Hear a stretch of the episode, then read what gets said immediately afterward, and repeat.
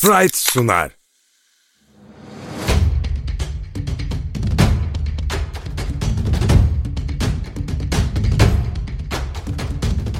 Top yalan söylemez.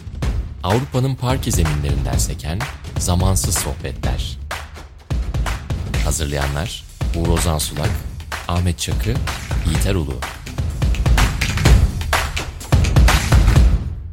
Sokrates'ten merhaba. Top Yalan Söylemez'in yeni bölümüyle karşınızdayız. Euroleague'de playoff eşleşmelerini konuşacağız ve tarihe geçen eşleşmeler oldu aslında. Çünkü ilk kez 3 tane eşleşmede 5. maça gitti Euroleague tarihinde. Tabii ki temsilcilerimize ağırlık vermeye çalışacağız ama yani Bayern Milano serisi ve Zenit Barcelona serisi de gerçekten izleyen herkesi çok memnun etmiş durumda şu aşamada. Efes'te başlayalım. Efes Real serisiyle başlayalım. Ahmet abi yani 2-0 oldu hatta 2.5-0 oldu seri. Yani 3. maçta bitmeye çok yaklaşmıştı. Ama Real Madrid gibi takımlarla oynarken maalesef böyle bir durum var. Yani tam anlamıyla bitmeden bitmiyor. Kötü bir duruma soktu tabii ki kendini Efes seri 2-2'ye geldikten sonra. Ama hala 5. maç için favori konumda olduğumuzu söyleyebiliriz. Senin genel olarak yani 3. ve 4. maçtan analizlerin nelerdir? Girmeden önce biraz konuşmuştuk. Hani 3 ve 4 sanki daha farklı maçlarmış gibi değerlendirmeli demiştin sen Ahmet evet. abi. İstersen onu seyircilerimiz de duysun. Ya ben 3. ve 4. maçın genelde konuşurken ve bakarken hep sonunda böyle bir 10 sayılarla öndeyken kaybettiği için Anadolu Efes aynıymış gibi gözüküyor ama ben farklı düşünüyorum. Tabii Anadolu Efes Madrid'de uçarken hepimiz bu serinin 3-0 en kötü 3-1 biteceğini bekliyorduk. Neden? Çünkü normal sezonun son maçı da çok yakın oynandığı için onu da farklı kazanmıştı ve Real'de de Koç Pablo Lasso'dan birçok hamle gelse de ilk iki maçta İstanbul'da oyunculardan pek istediğini bulamamıştı. Önce 3. ve 4. maçın benim için niye farklı olduğunu açıklayayım. Sonra oyuncularla ilgili de konuşmak istiyorum. Ya üçüncü maç Efes'in biraz rolanti de yani seriyi artık bitireceğini hissettiği aynı biz sezon başında Anadolu Efes çok iyi değil. Çünkü geçen sezon istediklerini alamadıkları için bir moral bozukluğu, bir düşüklük var ama Nisan Mayıs geldiğinde o Final Four zamanı geldiğinde Efes yine Efes olacaktır. Bu da ya biz playoff'ta zaten hamleyi yaptık. Bir şekilde bu seriyi bitireceğiz modundan dolayı bence kaybedildi.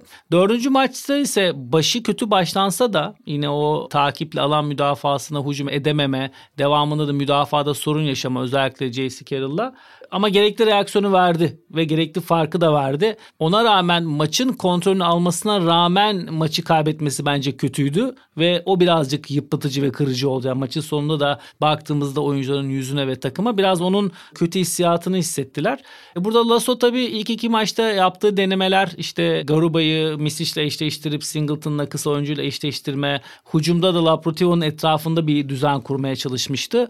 Ama orada da değişiklikler yaptı. Mesela Laprotiva'nın süresini hiç oynatmayarak hatta adam değişmeli müdafada size'lı kalmayı tercih etti. Tompkins'in maçın sonunda bir sakatlık yaşasa da bu seri için en önemli oyunculardan biri olmasına rağmen onun yerine Garuba'yı öne çıkardı. Mesela bu son maçta Alex Tice'ı Trey Tompkins'i 5'e koymaktan daha çok öne çıkarttı ki adam değişim müdafasında çok iyi olmasına rağmen. Taylor yine en güvendiği adamlardan biriydi, oyunculardan biriydi ilk iki maçta. Onu minimize etti. Yani sadece o kullandığı alan müdafası ve adam değişmeden müdafadan ziyade oyuncular bazında da Pablo'su iyi bir iş çıkardı. Ama şu an seri 2-2 oldu. Yani Anadolu Efes takip edilinden konumundayken şimdi dengeye geldi ve Anadolu Efes geçen yıllarda da yani bu yapı oluşturulduğundan beri bu yılda da hep sıfırdan başlanıldığında bir maça sıfır noktasından koşu yarışı başladığında her zaman o ilk süreçte fark yaratıp aldı. Bu noktaya geldiği için bir de arada da bir dört gün var. Yani iki maçı her ne kadar üçüncü maçtan sonra bir gün hazırlanma şansları olsa da çok yeterli olmadı o. Ama şimdi daha bir dört maçlık fotoğrafı çekip hem mental hem fiziksel dinlenip arada Türkiye Ligi maçı da yok. Ve bu anlayıştan dolayı artık her şey masada biz de çıkıp oynayıp kazanacağız moduna gelince ben Anadolu Efes'in o reaksiyonu bugüne kadar hep verdiğini düşünüyorum. Gene vereceğine inanıyorum. Yiğiter abi sen nasıl devam etmek istersin? Yani Real özelinde planı da tabii konuşabiliriz. Garuba'nın işte tepede olduğu bir alan savunmasıyla bütün seriyi değiştirdi Pablo Lasso. İstersen Efes özelinde konuşarak başlayalım. Sonrasında Real Madrid'in planına da geçeriz. Bu tür serilerde tabii ki psikolojik faktörler çok önemli. Yani işin teknik tarafı mutlaka belirleyici. İşte koçların hazırlıkları, oyuncuların iyi gününde kötü gününde olması, yüzdeli atması vesaire. Ama bir de hani bunlar hepsi sonuç olarak bizim gibi bizden çok daha yetenekli olduklarını tabii ki kabul ediyoruz ama bizim gibi etten kemikten sinirden yapılmış insanlar. Yani onlar da gelişmelerle ya da işte takımlarının geri düşmesiyle vesaire bir takım hisler onların da kafasında ağır basmaya başlıyor. Buradaki iki maç çok kolay geçince Efes çok farklı kazanınca bence Madrid'e gidilirken Efes tarafında belki olması gerekenden daha fazla biraz daha abartılmış biraz daha köpürtülmüş bir özgüven. Real Madrid tarafında da bir çaresizlik hissi. Yani biz ne yapsak bu adamlarla baş edemiyoruz duygusu vardı. Şimdi o çaresizlik hissiyle bence koç Pablo Lasso yeni stratejiler oluşturarak, yeni yollar deneyerek ve bunlara da oyuncularını inandırarak bir mücadeleye girmiş. Yani buradan döner dönmez hazırlıklarına başlamışlar ve demişler ki biz İstanbul'da yaptığımız şeyleri yapmayacağız. Yeni şeyler deneyeceğiz. Onu da şunu şu yüzden bunu bu yüzden yapıyoruz. Takım koçun bu denemelerine, stratejik hamlelerine inanmış, ikna olmuş. Bunlar hepsi tutmayabilirdi. Belki de biz hiç bunları konuşmuyor olacaktık şimdi. Çünkü aslında sen az önce iki buçuk sıfır dedin ama ben onu biraz daha yükselteyim. 2.85 sıfır diyorum ben. Yani 2.85 sıfır Efes öndeydi. Üçüncü maçın bitmesine 5 dakika vardı. 74-61 gösteriyordu scoreboard. Deplasmanda 13 sayıyla galipsiniz. Bütün maçı siz domine etmişsiniz, kontrol etmişsiniz. İstediğiniz oyunu gene oynamışsınız. Yani rakibin denediği o zon müdafaa sizi biraz yavaşlatmış ya da yıpratmış olabilir ama tutmamış o ana kadar. Real Madrid'in istediği sonucu vermemiş. Yani bir 5 dakika oynayacaksınız minimum hatayla ve kazanıp 3-0'la döneceksiniz İstanbul'a. Yani bu noktaya gelmişti Efes. Son beş dakikayı söylüyorum şimdi biraz işte detay çıkardım. O ana kadar 24'te 6 üçlük atmış olan Real son beş dakikada 6'da 5 üçlük atıyor. Son beş dakikada Efes'in sadece iki sayısı var o da Mis için 2'de 2 serbest atışından. Yani basket yok Efes'in ve 5'te 0 üçlük kullanımı var. Değişik oyunculardan iki Larkin, bir Misic, bir Singleton, bir Muerman deniyor. Herkes de şansını denemiş. Bir tane çok kritik bir yerde bir top kaybı var. Ki orada bu bir mola dönüşü. Molada Ergin Ataman attack the basket diyor. Yani çembere gidin diyor. Mola dönüşünde Misic geliyor point guard pozisyonundan yani hiç çembere gitmeden belki bir dribling üçlükten içeri vurup Sertaç'a pota dibine pas vermeye çalışıyor ve orayı iki kişi birden kapattığı için top kaybı oluyor. Panik yaptı Efes ya. Yani Efes o ana kadar doğru yaptığı şeylerin hiçbirini yapamıyor son beş dakikada. Real Madrid'de inanılmaz bir seviye atlıyor adeta. Yani her şeyi doğru yapıyor, hatasız yapıyor, çok yüzdeli top kullanıyor vesaire. İşte Garuba'nın nihayetinde Lül'ün kaçırdığı turnikede hücum limanından alıp attığı toplamda maçı ceplerine koyuyorlar. Yani hakikaten inanılmaz ve uzun yıllar konuşulacak bir maçtı. Uzun yıllar konuşulacak bir beş dakikaydı. Yani o beş dakikada bütün serinin az önce özetlediğim yani Efes tarafında özgüven, Real Madrid tarafında çaresizlik sözcükleriyle özetlediğim bütün psikolojisi değişti. Şimdi artık Efes tarafında öyle bir özgüven yok. Çünkü o dördüncü maça da yansıdı ve dördüncü maç benzer bir finalle Üçüncü maça çok benzeyen bir son beş dakikayla gene neticelendi. Neredeyse aynı skorla bitiyordu. 80-76 bitiyordu. Son serbest atışlarla 82-76 oldu. Yani Real Madrid'in denediği Lasso'nun biz bunu bir deneyelim bakalım ne olacak dediği strateji onların belki de beklediğinden çok daha olumlu sonuçlar verdi onlar adına. Çünkü Efes'i yavaşlattı, Efes'i yıprattı. Efes'in uzun süre aynı beşlerle kalmasından ötürü son dakikalara Real'le aynı dirilikte girememesine ve hatalar yapmasına neden oldu. Ve şimdi doğrusunu söylemek gerekirse son maça çıkılırken beşinci maça özgüven ibresi Real Madrid'i gösteriyor. Ahmet abi peki şunu sorayım yani bunu Lasso'nun hamleleri üzerinden de okuyabilirsin dilersen ya da başka şekilde de değerlendirebilirsin. Nasıl buraya geldi seri? Yani 2-0 hatta işte İtiraf'ın dediği gibi 2-80 sıfırdan seri buraya nasıl geldi? Çünkü evet bir panik durumu oluştu 3. çeyreğin sonunda. Real Madrid zaten seriye çok kaybedeceği bir şey olan taraf gibi başlamamıştı. Ama özellikle 3. maçta Yül'ün performansı sonrasında 4. maçta herhalde bireysel olarak bir oyuncuyu ön plana çıkaracak olsak Garuba deriz. Real Madrid seriyi dengeledi ve senin tahlillerin neler? Şöyle normal sezonun son dönemlerinde Pablo Lasso çok gergindi. İşte diskalifiye oldu, maçlardaki vücut dili kötü gözüküyordu. Ki Fenerbahçe Beko'yu İstanbul'da işte bizimle olduğumuz maçta çok net bir şekilde yenip hem her anlamda hazırlardı mental. O maçı kazandı. Zaten maçtan sonra ben çok kısa da bir konuşmuştum. O maçtan itibaren artık Real Madrid'de şu özgüven var. Biz bu sezon en azından yine Euroleague playoff'unda yer aldık. Bu kadar problem yaşadığımız bir sezonda. Bence Pablo Lasso da bu seriyi bu güvenle yönetiyor. Elimdekilerin en iyisini ortaya koyacağım ve koç olarak da bu rahatlık iyi bir şeydir. Yani kazanmak zorunda olmadığınız maçlarda hamle yapmak, o maçlara hazırlanmak çok daha kolay karar vermenizi sağlar. O yüzden serinin her maçında bir şey deniyor. İşte ilk maçta direkt mismatch'te başlaması yani direkt Garuba'nın Misic'le eşleşmesi. İşte bu 3. ve 4. maçlarda yaptıkları alan müdafası yani takiple. Esas da bu çok 4-5 yıldır kullandıkları bir müdafadır. 1-2-2 alan müdafası. Bunu şöyle de geliştirdiler. Adam adama da olsa adam değiştikten sonra köşelerden özellikle Muarman'dan çok fazla geliyorlar mesela. Nedeni de Muarman'ın şutu olmaması değil. Tercihleri kısaların o topu kullanmasındansa uzunların, Muarman'ın veya köşedeki oyuncunun kullanması. Tabii bu hamleler Yiğiter abin de anlattığı gibi 3. maçta galibiyetle birleşince takım birazcık daha inançlı yapmasını da sağladı. Tabii burada Anadolu Efes'te şöyle bir sorun da var. O da bence Real Madrid'in müdafasının bu kadar etkiliymiş gibi olduğunu gösterdi bize.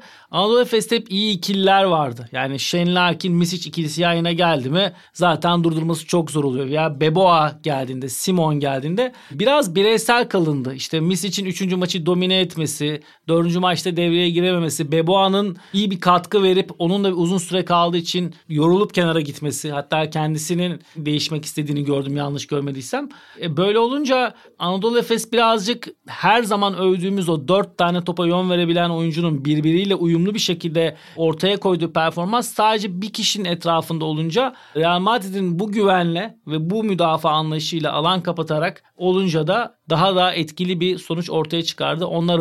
E, yani Pablo Lasso çok tecrübeli ve bir koç olarak da hamle yapmanın önemini çok iyi biliyor. Belki ben geçen haftaki yani bu serinin ilk iki maçı oynadıktan sonraki programda şöyle bir şey söylemiştim. Takım belli bir seviyede üstünlük sağlarken hamle yaptığınızda daha fark yaratırsınız diye. Ama onu Pablo takımı dezavantajlı durumdayken de hamleler yaparak bir taneye bağlı kalıp olmadığında da geri adım atmayarak hemen başka bir hamlelerle birleştirerek ve bunu galibiyetle süsleyerek tabii ki sonuçta playoff oynuyorsunuz bu hamleleri yaparsınız ama sonunda kaybederseniz o istediğiniz sonucu da takıma veremezsiniz.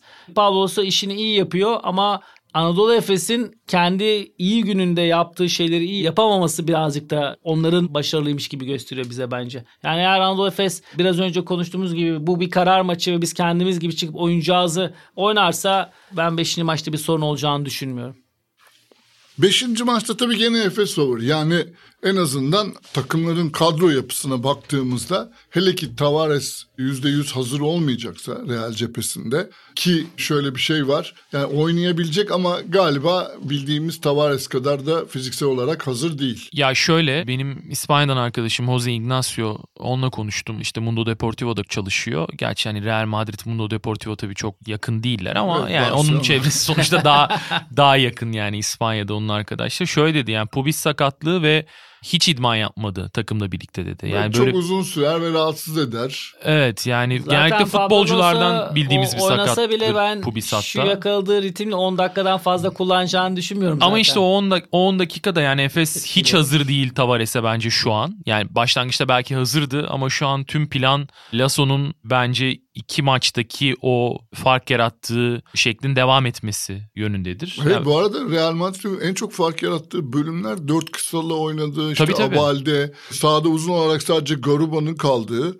Abalde'nin uzun savunmasına yardımda çok başarılı gözüktüğü. O bölümlerde çok verim aldılar. Son yani. maç özelinde ben Alex Tyson çok büyük katkısı olduğunu düşünüyorum. Hem adam değişmede hem kısaların karşısında kalmasıyla yani Garuba kadar bence onun da etkili olduğunu düşünüyorum. Biter abi sen devam et lütfen. Ee, yani Efes gene favori tabii ki. Serinin başında olduğumuz noktadayız. Yani Ahmet'in vurguladığı gibi 0-0 olduğunu düşünelim şu anda. 2-2 ile 0-0'ın aynı şey olduğunu düşünelim. Madrid'de kötü kaybedilmiş o maçları unutalım. Gene tabii ki Efes kadrosu ağır basıyor baktığımızda. Ama Madrid'de kaybedilen maçlardan çıkarılacak derslerle ve onlara karşı bir takım panzehirler üreterek yani zona savunmayı mesela biraz daha çabuk okuyup zona hücumu çabuk başlatıp mesela Efes'in alıştığımız ball movement'ını, top trafiğini daha sağlam kurabilmesi. Mesela bunlardan bir tanesi. Belki bunun için bugüne kadar denenmeyen o 1-2-2'de ortaya giren adamın belki de Simon olmasını Yani- bir denemek lazım. Çünkü o öbürlerine göre daha iyi pasör. Oraya şimdi Singleton sokuldu, Sertaç sokuldu, Anderson. sokuldu. Anderson hadi deliciliğiyle girdi. Ama orada mesela pas istasyonu olarak kullanmayı düşündüğünüz uzunlar çok iyi pasör değil. Mesela Moerman ve Singleton topu kanatlara atarken hatalar yapıyorlar o savunmanın ortasında. Belki de Simon'u da buna hazırlamak lazım. Belki de Real Madrid şimdi o zondan vazgeçecek. Onu da bilemiyoruz tabii.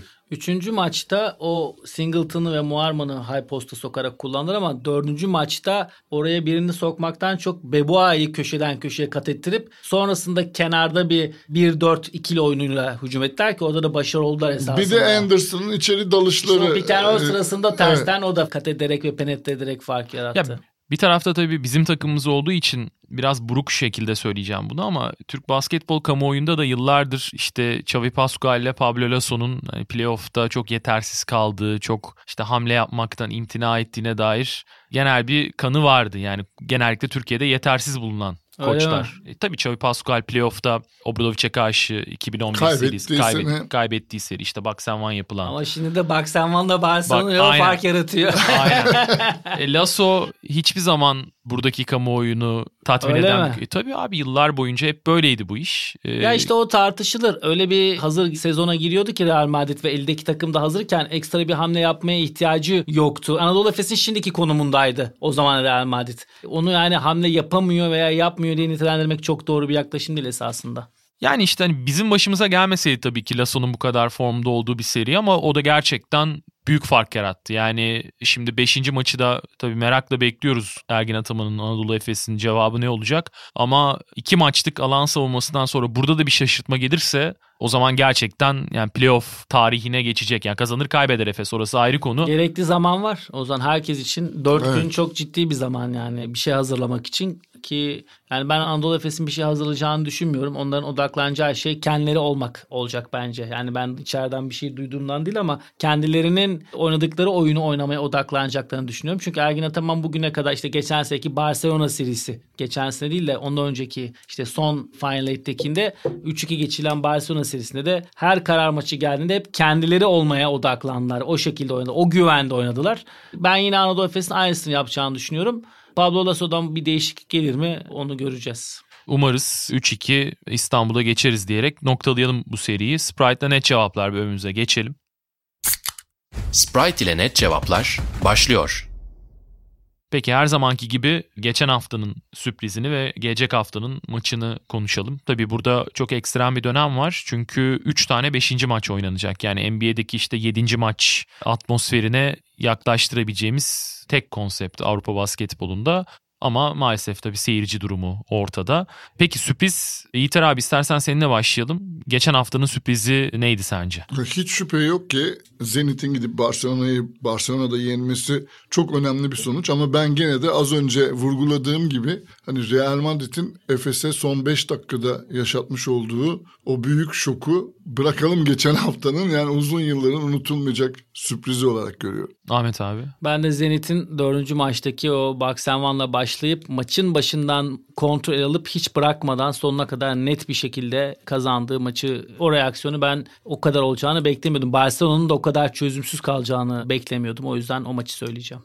Gelecek haftanın maçlarına baktığınızda ne dersiniz peki? Yani Real Madrid Efes tabii ki bizim en merakla beklediğimiz Üçü maç. de çok güzel maçlar. Çok büyük talihsizlik maçların birbirinin üstüne düşüyor olması. Bu konuda da aslında Euroleague yönetimini eleştirmek lazım. Çünkü yani sezonun en kıymetli, en önemli 3 maçını mutlaka birbirinden farklı saatlerde oynatmaları ve televizyon izleyicilerine üçünü birden izleme imkanını veriyor olmaları gerekirdi. Ne yazık ki birini izlerken öbürü başlamış olacak. Burada da büyük bir beceriksizlik madem öyle talihsizlik sözcüğünü düzelteyim beceriksizlik diyeyim. Ama tabii ki bizim tercihimiz Anadolu Efes Real Madrid maçı olacak. Ahmet abi sen? Şöyle maçların hepsi çok güzel. Yani Barcelona, Zenit, Milano, Münih ve Efes Madrid. Yani maç çekişmeli ve son ana kadar gider hangisi biter derseniz bana ben oradaki en zor maçın Milano Münih maçı olacağını düşünüyorum. Oradaki daha böyle beklenenden rahat geçecek Efes Madrid düşünüyorum. Yani bir şekilde de basketbola baktığımızda şu an Zenit daha formda. Yine %55 Zenit derim ama seyirci olmasa da home court avantajıyla e, Barcelona'nın biraz daha yakın olduğunu düşünüyorum. Peki bu bölümü kapatıp diğer serilerle devam edelim. Sprite ile net cevaplar bitti. Maalesef uzamayan tek seri e, Fenerbahçe Beko CSK Moskova serisi oldu. Onun da tabii kendi içinde farklı bir hikayesi var. Evet yani 3-0 bitmiş olabilir ama oradaki iki maç işte İstanbul'daki başlangıç Veseli'nin oyundan çıkışı derken yani üçüncü maç farklı bitse de aslında biraz daha maçı irdelediğimizde daha farklı sonuçlara ulaşabilmemiz de mümkün. Tabii ki kazananı yazıyor her zaman tarihi ama burada bazı maçlar var. Yani bu sadece EuroLeague özelinde söylemiyorum. NBA işte başka bir yer fark etmez. Yani hakem kararlarını tamamen dışarıda bırakarak maçın resmini pek çıkaramıyorsunuz. Bu da bence o maçlardan biriydi.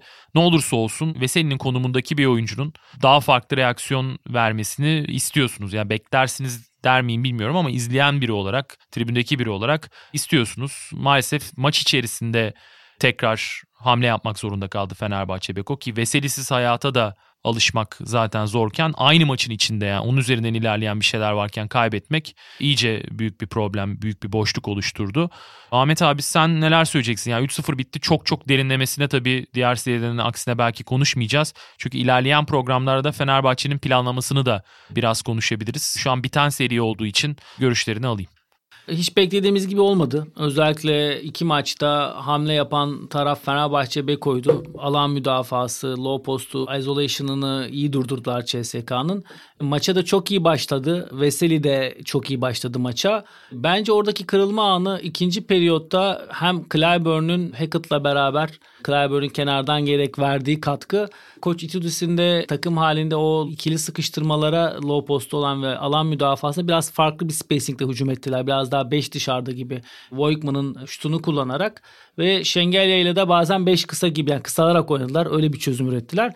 İkinci ve Lundberg çok iyi katkı verdi Clyburn'e kenardan gelip. Bence kırılma anı ikinci periyotta CSK'dan bu bench'ten gelenlerin yaptığı katkıya Fenerbahçe'den kenardan gelenlerin o katkıyı verememesiydi. Lorenzo Brown, işte Bartel, Gerald Eddy bu oyunculardan istenen katkı gelemeyince devre 5 sayı yanlış hatırlamıyorsam CSK'nın lehine geçti ama ilk periyotu domine eden bir Fenerbahçe'den sonra maçın kontrolünü tamamen aldı. Çok büyük bir düşüş oldu. Burada önemli nokta neydi? Üçüncü periyotun başında hemen Fenerbahçe'nin iyi bir reaksiyonla bunu kendine çevirme şansı vardı. Orada da bunu yapamadı. Yapamamasının birinci nedeni de Veseli'nin o pozisyonunda işte 3, 4, 5 foul'ü bir anda alıp bütün böyle hem takımı hem kendini out etmesi. Ya o andan itibaren zaten servis beraber maç bitti. Ama ben 3. periyotta bu olay olduğu için sadece Fenerbahçe kaybetti diyemem. Çünkü ikinci periyotu kenardan gelenler ve hamlelerle CSK ritmi zaten almıştı. Sadece Fenerbahçe'nin bu olay tekrar maçın ritmini almasını engelledi. Dediğim gibi ben serinin açıkçası CSK'nın da durumuna bakarak ilk iki maçtan sonra 3. ve 4. maçı Veseli ile Fenerbahçe'nin kazanıp 5. maça Rusya'ya gideceğine inanıyordum. Ama bu şekilde olmadı. Bu da tabii çabuk kırılmalar da oldu. İşte ne bileyim Dekolay'ı da sertlikle yıldırdılar. Lorenzo Brown maçın içinde kötü başlayınca bir anda yıkıldı. Veseli'nin out oluşuyla beraber bench'te böyle bir yakınlık bench'e bizde bir düşüş oldu. Kötü bir playoff bitişi oldu Fenerbahçe Beko'nun. O yakaladıkları yani müthiş Zagiris farklı mağlubiyetten sonra yakalanan rakamları sen daha iyi bilirsin. O zaman müthiş bir normal sezon e, evet. serisinin üzerine playoff böyle bitmemeliydi. Ama yapacak bir şey yok. Bu Covid'den dolayı da böyle bir özel sene de yaşanıyor. Onda etkisi olmadı değil. Yiğiter abi sen nasıl devam etmek istersin? Playoff başlarken benim 5. maça kalacağını düşündüğüm tek seri buydu. Yani diğer eşleşmelerin 5. maça kalmadan biteceğini düşünüyordum ama Fenerbahçe'nin mutlaka sonuna kadar kovalayacağına inanıyordum. Buradan da ne kadar kötü bir tahminci olduğum tam tersine çıkmasıyla net bir şekilde ortaya konuyor. Şimdi yani Moskova'daki ilk iki maçı izledikten sonra ben hala 5. maça gidebilme inancımı koruyordum. Yani neden derseniz çünkü orada 6 eksikle ve koçumuzdan yoksun çıkmış olduğunuz bir deplasmanda ortaya koymuş olduğunuz mücadele, oyunun içerisinde kalma inadı, Fenerbahçe'nin özellikle rakibin sertliğine fiziksel olarak geri adım atmaması vesaire bütün bunları topladığımız zaman hani eldeki kısıtlı malzemeyle Orada evet maçlar kaybedildi ama bence basketbol olarak ve takımın ortaya koymaya çalıştığı karakter olarak bir umut ışığı yanmıştı. Burada bir şeyi biz hesabın dışında bırakmışız ya da ben kendi adıma en azından öyle konuşayım. Yani bir takımın sahaya fark yememek için çıkıp rakibinin oyununu bozmak için, onun tekerinde çomak sokmak için oynaması çok farklı bir şey. Ve bunu yaptığınız, bunun için uğraştığınız zaman her şey çok artı gözüküyor. Yani Biberovic çıkıyor bir tane üçlük sokuyor. O Biberovic de oynuyor ne kadar iyi diyorsunuz. Bir top kapıyorsunuz, bir canlı savunma, yapmış olduğunuz zonun rakibi biraz şaşırtması falan. Bunların hepsi artıya yazılıyor. Ama İstanbul'a geldiğinizde maç kazanmak için artık sizin kendi oyununuzu dikte etmeniz ve maçın başından sonuna sizin direksiyonda oturmanız gerekiyor ve CSK gibi bir takıma karşı. CSK Tamam bu playoff'a kalan takımlar içerisinde bence form grafiği en düşük olan takımlardan biri hatta belki de birincisiydi ama tecrübesini hiç unutmayalım. Buraları ne kadar çok oynamış bir takım olduğunu unutmayalım. Zaten bunu da seride maçlar ilerledikçe sahaya daha çok yansıttılar. Yani İstanbul'daki maç evet dediğiniz gibi hakemlerin maçın sonucuna etki edebilecek kadar çok büyük ve şey fahiş bir hatasıyla maalesef Fenerbahçe'nin de direncini çok çabuk kırdı.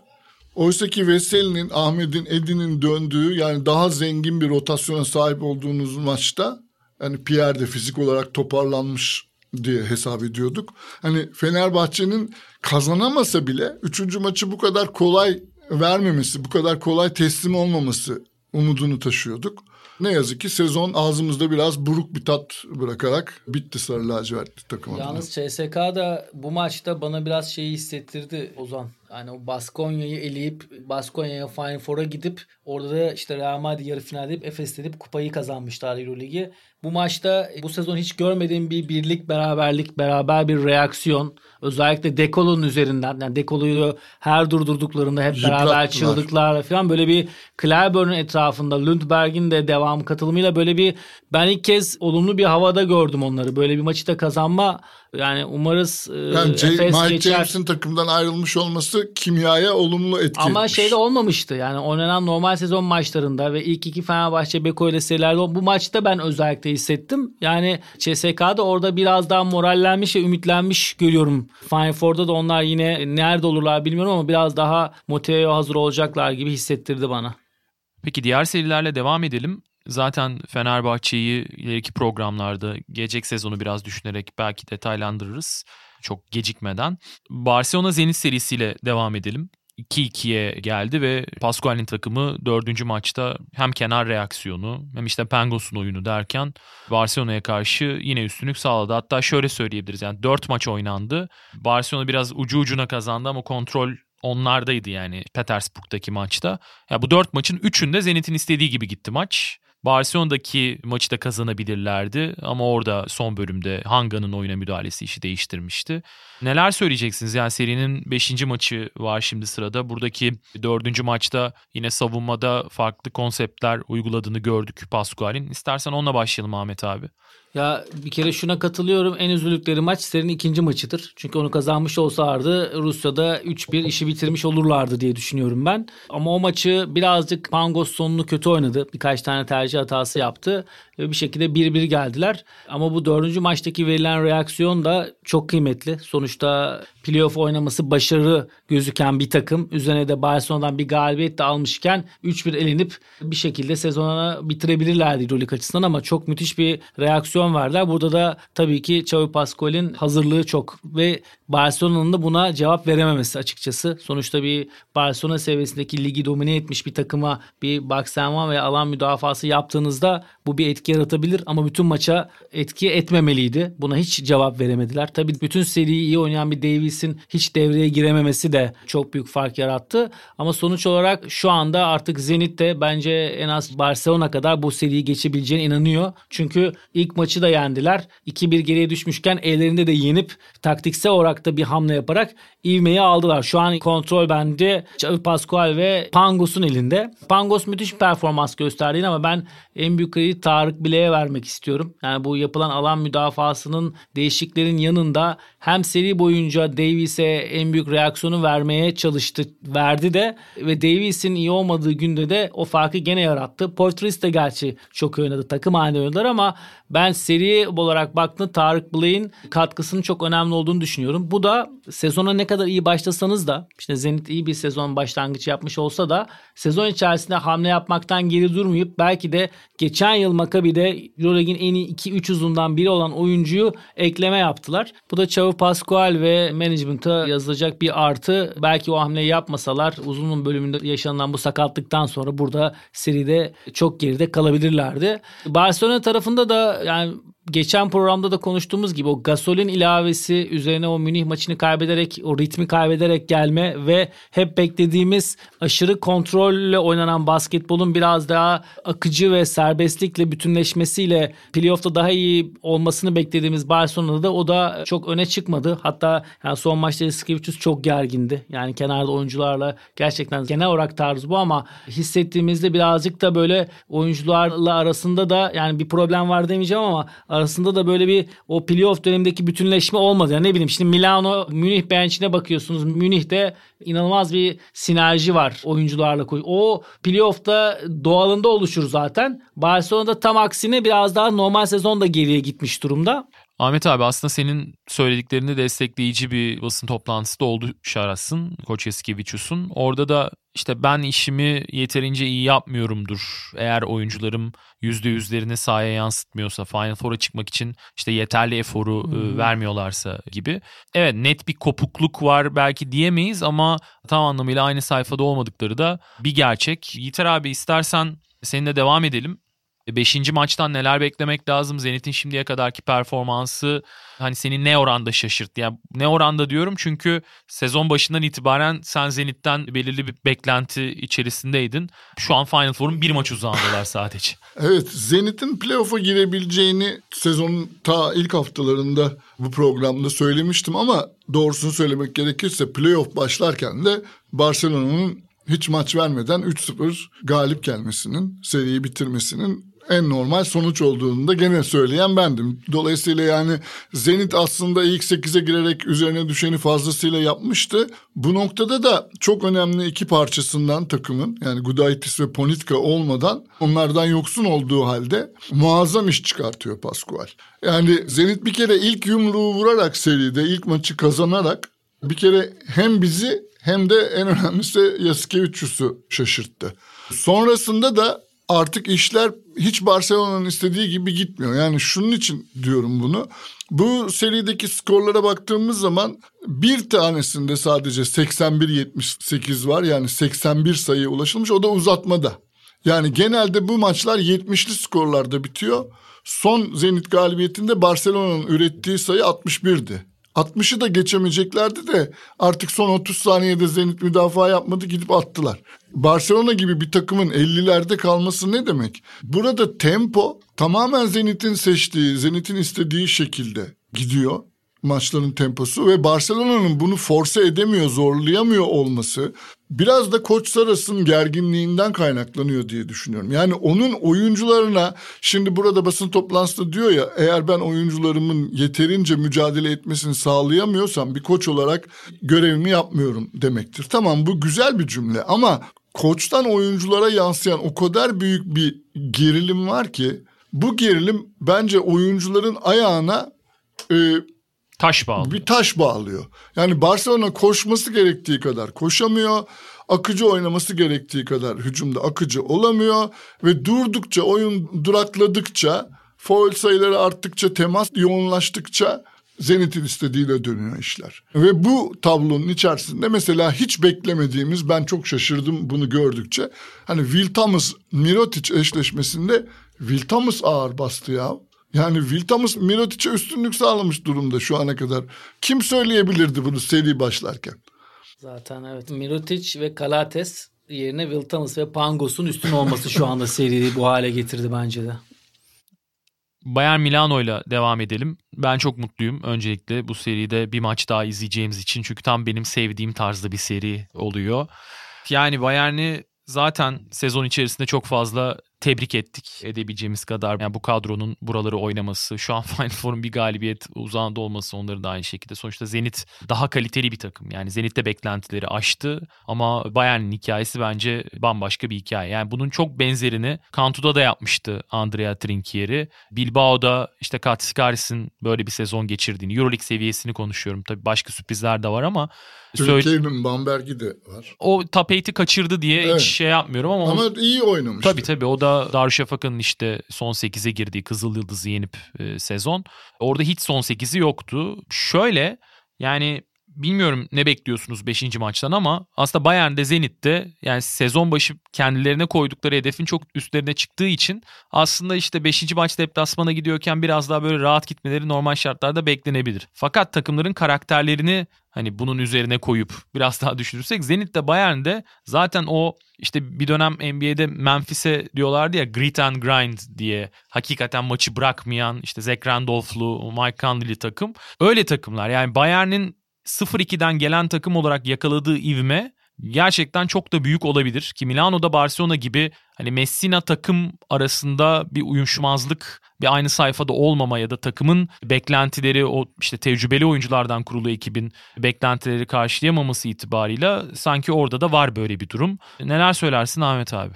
Ben Milano tarafında bir sorun görmüyorum açıkçası. Hem koçlu oyuncular arasında hem de oynanan basketbol açısından. Ama dün dördüncü maçta, oynanan maçta Bayern Münih gerçekten kendi oyununu ve bırakmamayı ortaya koyarak hak ederek kazandı. Yani Milano'nun yaptığı bir şeyden dolayı değil, daha çok Bayern Münih'in iyi yaptıklarından dolayı kazandığını düşünüyorum. Burada da şöyle bir şey oldu. Başlangıçta Reynolds ve Baldwin'in seriye damga vuracağını konuşuyorduk, düşünüyorduk bütün sene olduğu gibi.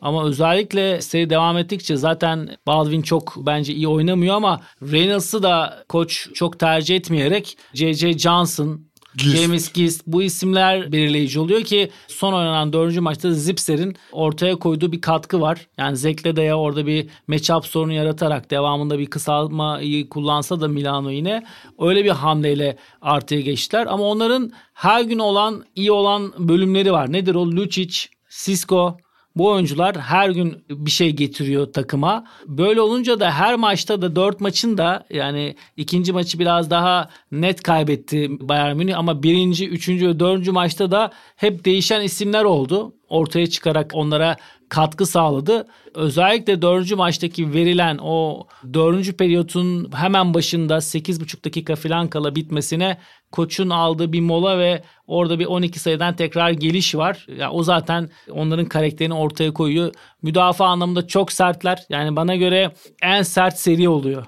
Zenit Barcelona'dan daha sert bir seri. O anlamda da ben sana katılıyorum. Beşinci maç olarak en merak ettiğim yani diğer maçları da merak ediyorum tabii ama en yani bir tanesini kaçırmayacaksın o maçı kaçırmamak isterim. Çünkü her anında bir kontak, her anında bir sertlik var ve takım reaksiyonu var. Ki ben Milano'nun da normal sezondansa bu seride daha takım olduğunu, daha bir araya geldiğini düşünüyorum. Yani orada da Rodriguez'in serinin başında bir takımın liderliğini alıp devamında Malcolm Delaney'nin katılması, Zekli Day'in gerçekten çok üst üste oynaması. Orada en büyük sorun Kai Heinz'da bir sorun olduğunda Tarjeski'den o katkıyı alamıyorlar. Orada bir sıkıntılar oluyor ama Evans'ı deniyor Koç Messina. Evet ama Milano'da mesela bence takım olarak normal sezondan bir hamle yaptı yukarıya geldi. O anlamda da çok güzel seri oluyor. Ya ben bu seriye başlamadan önce 3-2 Milano demiştim. Şimdi bugün baktığımda ivme ritim olarak bir tık Bayern Münih'e kaymış olabilir. Çünkü iki tane üstte kazanan takım her zaman ivme alır ama ben söylediğimi değiştirmek istemiyorum. 3-2 istikrarlı olmak istiyorum ama en zor bitecek maç olacak bence. Yani bir şekilde Barcelona ve Karakol Anadolu Efes evet Barcelona ve Anadolu Efes'in hem kadrodan dolayı hem de verecekleri reaksiyondan dolayı farklı olacağını için bu seri biraz daha zor bitecek. Sen nasıl devam etmek istersin Yiğit Eralp? Müthiş bir seri oluyor gerçekten. Yani hem çok yakın maçlar hem maç içerisinde üstünlük el değiştiriyor çokça. Sertlik derecesini zaten sizler de vurguladınız. Herhalde en sert seri bu. Onda hepimiz hem fikiriz. İki takım da aslında birer tane almış olduğu maçı kendi hatalarıyla verdi. Bir de öyle bir nokta var. Yani birinci maç aslında Bayern Münih'in almış olduğu bir maçtı Milano'da. Hani o son topta inanılmaz bir savunma hatasıyla verdiler. 1.2 saniyede.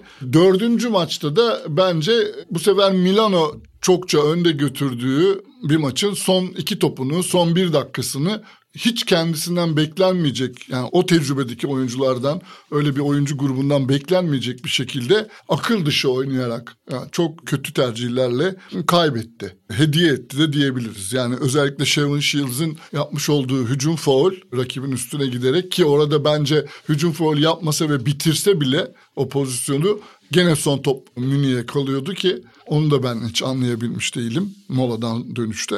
Ama bütün bunlar bizi mükemmel geçmesini beklediğimiz bir beşinci maça götürüyor. Yani işte tek talihsizlik maçın bir kısmının Efes Real Madrid maçıyla üst üste geliyor olması. Dileğim yani bu maç başlarken Efes'in çoktan işi bitirmiş olması ve Real Madrid'in dönüşüne fırsat vermeden kapatmış olması orayı ki biz de bu maçın tamamını izleyebiliriz. abi güzel bir şeye parmak bastı. Ben genel seriyi konuştuğum için normalde dördüncü maçı gerçekten kazanmaya çok yakındı Milano. Oradan karakter koyup değiştirmesi çok özel bir şey Bayern Münih'in ama dördüncü maça da esasında onu kazanmaya hazır ve o performansı ortaya koyan özellikle lideri Malcolm Delaney'den bu katkıyı alan bir Milano vardı. Ben onun çok üzerinde durmadım. Yani ben aslında bu programda böyle çaktırmadan biraz bu kadar zone press alan müdafası Baksenva'nın Euroleague'de çok görmeye alışık olmadığımız şeyler. Bu Miami Heat'in yazın kullanmasından mı kaynaklı o zaman? Ben sana bunu soracaktım ama programın arasında çok zaman kalmadı. Abi güzel bir soru. Yani Miami'den çok alakalı olduğunu zannetmiyorum ama hep şeyden oldu. Yani böyle biraz ekstra e, hamle yapmak. Evet ekstra hamleye ihtiyaç duyan takımlardan geldi. Yani belki Pablo Lasso kendi kadrosu ve kendi iyi hissettiği yetenekli bir ekiple sahada olabilse Belki o çok, yapmazdı. Belki Ama çok baş... Milano mesela Bayern Münih serisi ilk maçı direkt foul atışından sonra zone preslerle onların o hızını kesmeye gitti. İşte bu son dördüncü maçta üçte de kullandı ama Bayern Münih'in zone presten çaldığı toplar var. İşte Xavi Pascual'in bu maçta kullandığı Baksenvan'ı tamamen ritme alması var. Fenerbahçe'nin işte Erdem Can'la beraber kullandığı iyi bir pres arkası alan müdafası var. Yani ben Tanyevic. daha tecrübesiz abi. Uzun zamandır ben böyle bu kadar Euroleague. Çünkü yani... Euroleague'de yazılı olmayan bir kural vardır. Üçlüyü vermemek üzerine kurulur bütün müdafalar. Alan müdafası da bu yüzden çok böyle öne çıkarılan bir şey değildir. Yani e... ben playoff serilerinde bu kadar yoğun bir zon kullanımı hatırlamıyorum. Belki KK Boston'ın şampiyonluğunda falan olur. Yok şey konuşabiliriz. O Zeliko Obradoviç'in Panathinaikos'ta evet. kullandığı Baksan var ama işte Rubio ve Sada. Sada gibi şutu çok düşük olan oyunculara karşı. Ya bir de Nikolates müthiş oynamıştı o seriyi. Sayılar da yani 15-20'lerden bu kadar kolay dönmezdi eskiden Euroleague biliyorum. Evet. Bir koç 6-8 sayılık ritim yakaladığında bırakmazdı kontrolü. Şimdi öyle maçta oluyor ki 20'den gelmeyen maç yok. NBA'de zaten o baraj 30'a çıktı. Daha yeni Celtics 32'den geldi Spurs'e karşı. Tabii yani NBA'de o baremin belki ikinci yarıda artık gerçekten 25'e çıktığını söyleyebiliriz. Seyirci olmamasından olabilir mi bu farkların çabuk erimesinin? Vardı seyirci de çok fazla yoktu. Hayır ben Ama Euroleague'de evet, Euro seyircinin için. olmaması bir %100, faktör galiba. %100. Çünkü seyirci varken seyirci özellikle ev sahibi takım öndeyse seyircinin kurmuş olduğu baskıyla misafir takımın geri gelmesi çok zorlaşıyor. Ben de onu kastetmiştim zaten. Yalnız seyirci olsa bu Bayern Münih Milano of. serisi nasıl olurdu ya? Yani of, hem gerçekten. Milano'da seyirci çok iyi hem yani o maçı ben orada o inanılmaz olurdu. Ya benim Bayern gerçekten çok tarafsız konuşamıyorum Bayern'i değerlendirirken. Farkındayız. Benim evet. en, se- en sevdiğim ya modern dönemde en sevdiğim takımlardan biri oldu hani yakaladığı başarı Doğru, ve çok, oynadığı çok, basketbol çok itibarıyla ve yani iki koç arasında da çok ciddi bir rekabet var. Yani iki İtalyan koç, İtalyanlar genellikle birbirini çok sevmez zaten. Öyle mi? Hep genellikle arkalarından konuşur birbirlerinin. Burada o hikaye de var yani. Andrea Trinchieri zaten Ettore Messina işte e, sezon içinde de bir gerilim güzel yaşandı. uçuşlar gibi çevirebileceğim artık yani söyleyemiyorum küfür olduğu için. Orada Bayern yönetimine değil de Bayern'deki medya sorumlusuydu. Şu an ismini hatırlayamadım. Andreas galiba. Orada bir sürtüşme olmuştu. Yani şu an Andrea Trinchieri bence uyuyamıyordur zaten. Yani o, bu, bu heyecandan. Bakalım ben, ben de çok merakla bekliyorum Milano Bayern maçını. Temenniyle kapatalım. Efes dileriz e, Final Four biletini olur. alır. Barcelona Zenit bir temennimiz yok. Beşinci maç zaten oldu. Ama yok gerçi İter abiyle konuşmuştuk. Zenit'in bu hikayeyi tamamlayabilmesi de güzel olur. Aslına bakılırsa ben hani Zenit'le Bayern Münih'in Final Four'da olmasını iki tane yeni yüz tamamen kimsenin Milan, aklından geç. Ama Milano'nun geçmişinde şampiyonluklar var. Son hani şimdi Bayern'le Zenit tam yeni yüz olacak. Eğer o ikisi olursa yani Bayern, inanılmaz sürpriz bir yıl olarak geçer tarihi. Bayern Zenit olursa Final Four'da EuroLeague herhalde logoyu değiştirir. Euro Challenge logosuyla.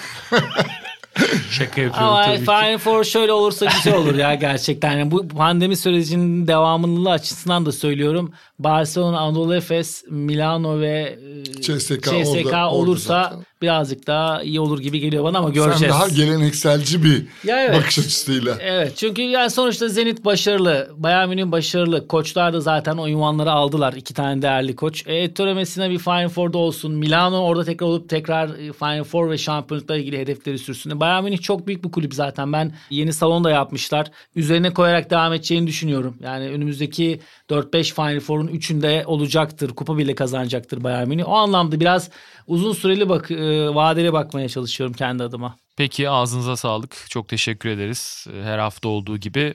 Bir sonraki bölümümüzde tekrar görüşmek dileğiyle. Hoşçakalın. Sprite sundu.